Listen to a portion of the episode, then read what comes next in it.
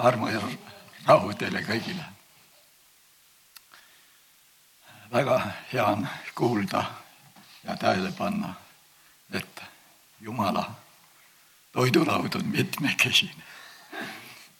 ja igaüks ütleb armastuses seda, mis Jumal temale on pannud südamele ja ütelda ja üks laulgi ütleb üks ainus väike sõna armastuses. Kui sa ei suuda rohkem ütelda, see võib kurba hinge hellalt trööstida. täna on pühapäev.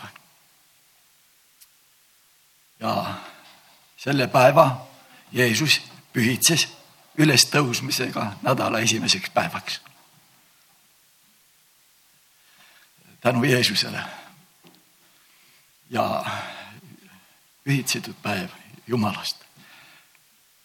ja sellel päeval me tuleme kokku ja me võime ütelda, nagu Peetrus ütles, issand, kelle juurde peame meie minema, sul on igavese elu sõnad.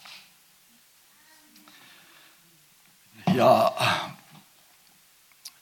veel Peetrusest, kui Jeesus küsis jüngrite käest, keda teie ütlete mind olevat?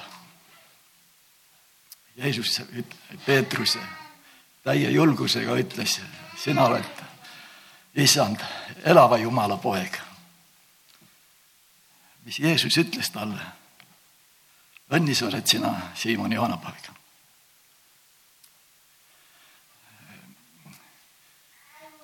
kui Jeesus midagi heaks kiitis, siis ta ütles, õnnis olete. Ja veel ütles, et liha ja veri ei ole sulle seda teada andnud, vaid minu isa vaim. ja ta ei hakanud Peetrust kiitma, oi, kui tubli poeg, mees sa oled ja kui tubli õpilane sa mul oled. vaid ka see, mis Peetrus ütles ja mis tema sees oli see, selle au Jeesus ka andis isale. Kõik, mis meis on head, see kuulub isale. ja olgu taevas ja meid õnnistamas. minu südames on siin üks raamat ja me kuulsime juba Jumala vaimust olla juhitud pastor väga rõhutas seda ja tõesti on juhtimine on tähtis, kellest oleme ju juhitud ja kuidas me oleme juhitud. vahest eh, meie ei pane tähele, meil ei ole aega kuulata Jumala juhtimist. meil on endale nii palju tegemisi ja küll vahest televiisor ja raadio lahti ja kõik ja Jumala vaim ei pääse aga Jumala vaim on tasane ja vaikne hääl. Ja vabandage väga, aga see raamat, mis ongi, kuidas olla Jumala vaimust juhitud, Jan Kennet Heigenemaa. ma olin vanausklik juba ja võib-olla neli aastat viis või viissada aastat tagasi, kui ma selle raamatukogust ostsin ja kui ma sellesse süvenesin, siis minu vaade, minu arusaamine Jumala sõnast muutus hoopis teiseks. ja nüüd ma tunnen alati seda Jumala vaimu juhtimist isegi pisikestes asjades ja Jumal tahab nii, et Jumala lapsed oleks oma isaga ja püha vaimuga sina peal. et see oleks meie isiklik juhataja. Ja kuidas seda siis aru saada? Ja siin on just räägitud Jehova lambist. vabandage, miks ma otsustasin lugeda ja mitte ise seda ümber jutustada, sest siin on iga sõna täpsel kohal. Kui muuta juba sõna, muutub sisu, muutub mõte ja et see oleks nii, nagu ma olen lugenud ja ma ei tea, kas teile meeldib või mitte, aga mulle ta meeldis ja ma usun, et meie tahame alati teistele seda pakkuda, mis meile endale väga armas ja kallis on. ja siin räägib Jehova, Jehova lampi. see on Rooma, Rooma kaheksa neliteist, sest kõik, keda iganes Jumala vaim juhib, on Jumala lapsed.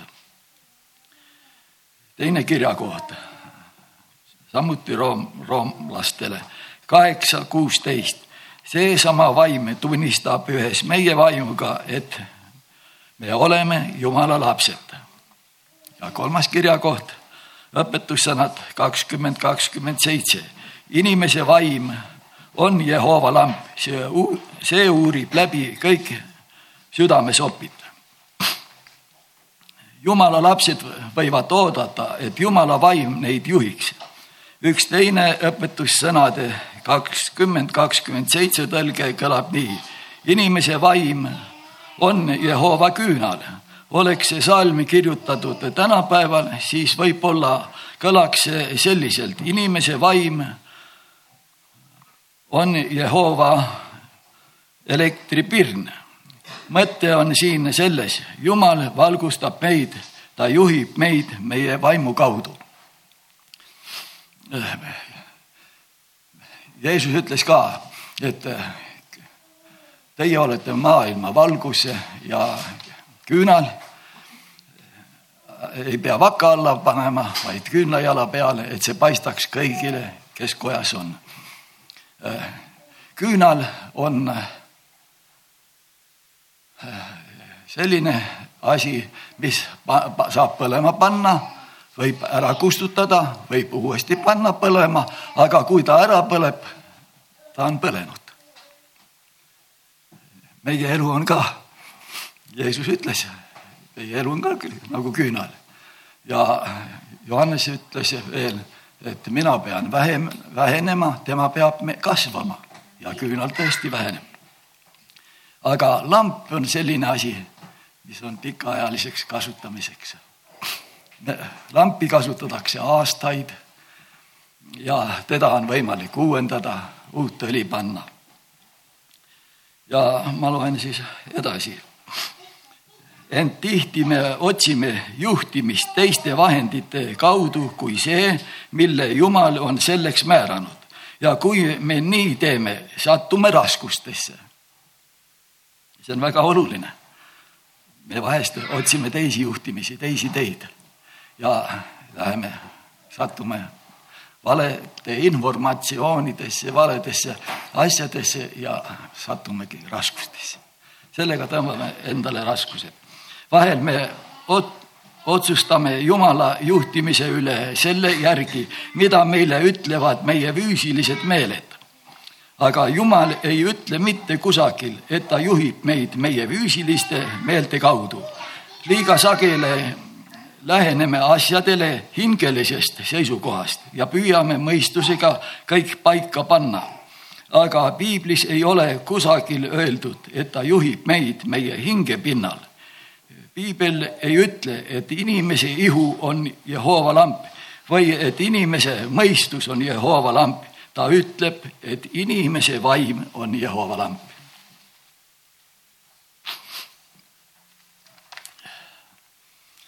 jumal juhib meid, ta valgustab meid meie vaimu kaudu. enne kui me võime mõista, kuidas Jumal meid meie vaimu kaudu juhib, peame mõistma inimese olemust. me peame mõistma, et inimene on vaim, et tal on hing ja et ta elab ihus meie ihus on kaks korterilist, hing ja vaim.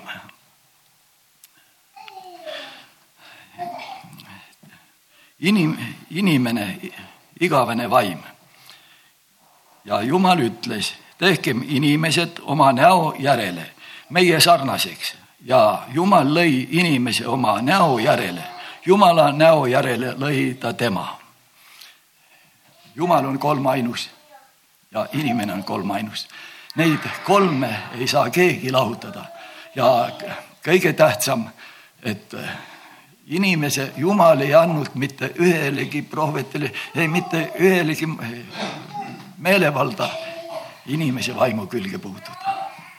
see ainult Jumal, kui ta kutsub meid siit ära ja siis lahutatakse need juust ja ja mõistusest ja liha ja veri ei päri Jumala riiki. inimene on vaimne, see, see oli esimese Moosesse üks, kakskümmend kuus, kakskümmend seitse. inimene on vaimne olend, ta on loodud Jumala sarnaseks. Jeesus ütles, et Jumal on vaim Johannese neli kakskümmend neli. seepärast peab inimene paratamatult olema vaim. inimene on vaim, tal on hing ja ta elab füüsilises ihus. esimese Thessalonika viis kakskümmend kolm. kui inimese füüsiline ihu on surnud ja hauas, elab vaim edasi. See osa inimesest on igavene vaimud ei sure kunagi ja inimene on vaim. Paulus räägib siin füüsilisest surmast. mind tõmbab nii see kui teine. ma himustan siit lahkuda ja olla Kristuse juures, sest see on hoopis palju parem, aga lihasse jäämine on vajalikum teie pärast. Philippuse üks, kakskümmend kolm, kakskümmend neli. Paulus kavatseb elada kas siis ihus või ihust ära, aga igal juhul kavatseb ta elada. kui ta jääb lihasse ehk elab lihas, siis saab ta Philippi kogudust õpetada ja olla neile õnnistuseks. Nende seisukohast oleks see palju vajalikum, ent Pauluse enesele oleks hoopis palju parem, kui ta lahkuks ja saaks olla Kristusega. tegelikult ütles Paulus seda ma kas elan ihus või ihus edasi või lahkun, et olla Kristuse juures. kes see oli, kes pidi lahkuma? Paulus ütles, mina lahkun, ta ei rääkinud oma ihust. Ta ihu ei pidanud lahkuma, Paulus rääkis sisemisest inimesest, vaim inimesest, kes elab ihus. vahel inimesed küsivad kas me taevas tunneme üksteist? ma küsin alati kohe vastu, kas sa siin all tunned teisi? mõistad, sina saad seal olema, kui sa siin all tunned teisi, siis tunned sa ka seal neid. Sina oled see, kes on siin, sina oled see, kes saab seal olema. mina himustan siit lahkuda, ütleb Paulus, ja olla Kristuse juures, sest see on hoopis palju parem. mulle meeldib see, kui ta oleks vaid öelnud, et see on parem, siis oleks see juba hea, aga ta ütles, see on hoopis palju parem. Mõned valekultused õpetavad, et kui inimene sureb, siis ta on surnud nagu koer. ei, ta ei ole, inimene on rohkem kui äh, ihu, ta on vaim, tal on hing, ta elab ihus. teised ütlevad, et kui inimene sureb, siis ta vaim suigub unne. piibel seda ei õpeta. mõned ütlevad, et vaim küll lahkub, aga ta tuleb tagasi lehma, koera või mõnel teisel kujul. hingede rändamine on ebaseaduslik jää Jumala sõna juurde ja sa leiad lahenduse kõikidele oma probleemidele sellel alal. Paulus ütles, mina himustan siit lahkuda, ma himustan olla Kristuse juures, sest see on hoopis palju parem. Paulus kuulutas samu tõdesid ja õpetas samu tõsiasju kõikidele kogudustele. siin kasutab ta erinevaid sõnu, et õpetada sedasama aulist tõde Korintuse kogudusele, vaid see on teise Korintuse neli kuusteist, vaid keegi meie, kuigi meie väline inimene kõduneb, uueneb, sisemine inimene ometi päev-päevalt. On olemas sisemine inimene ja on olemas väline inimene. väline inimene ei ole sinu tegelik mina. väline inimene on vaid hoone, milles sa elad. sinu tegelik mina on sisemine inimene. sisemine inimene ei vanane kunagi, ta uueneb päev-päevalt, ta on vaim inimene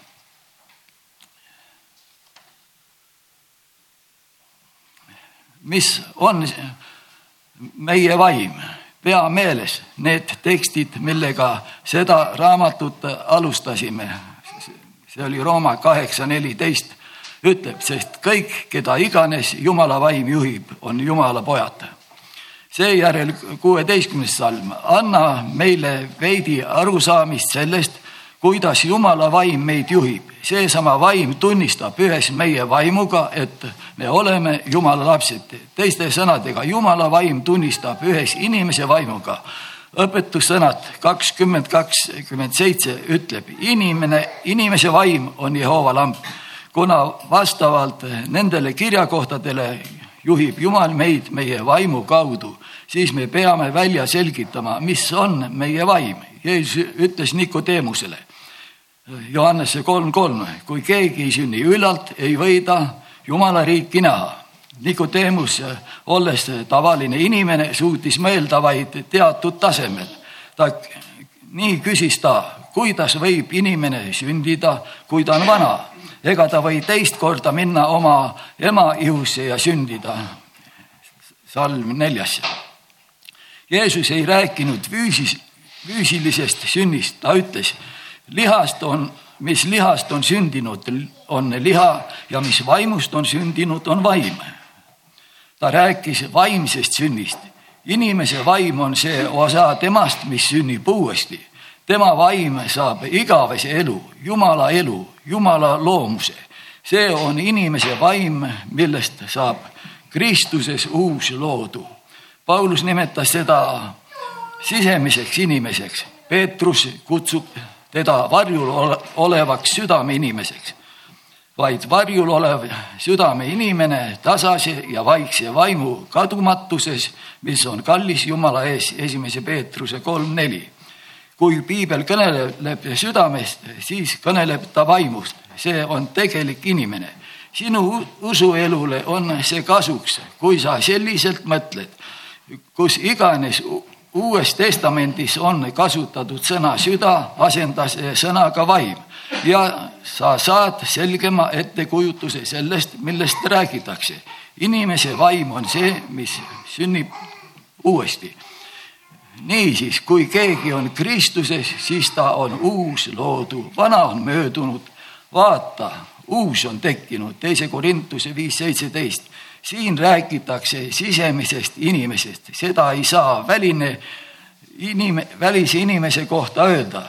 kui sa sünnid uuesti ja saad uueks looduks, ei saa sa uut ihu. väline inimene on ikka selline, nagu ta oli. kui sa olid enne uuesti sündimist kiilas, siis oled sa ka pärast seda kiilas kui sul olid varem pruunid silmad, siis on sul ikka veel pruunid silmad. väline inimene ei muutu. jumal ei võta välise inimesega midagi ette. ja pange nüüd tähele, sina pead välise inimesega midagi ette võtma.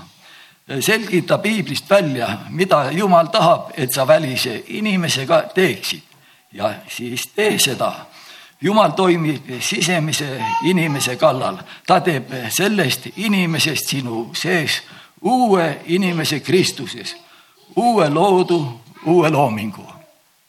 ja äh, üks laul veel ütleb, vala õli mu lampi, ma palun, et see järjest võiks põleda. vala õli mu lampi, ma palun, et see põleks, kuni koidab päev, aga mitte homne päev, vaid igavene hommik ja laula, laula, hoosi anna ta talle Jumalale auks, laula, laula, hoosi anna. et see, et see ülistus kestaks meie sees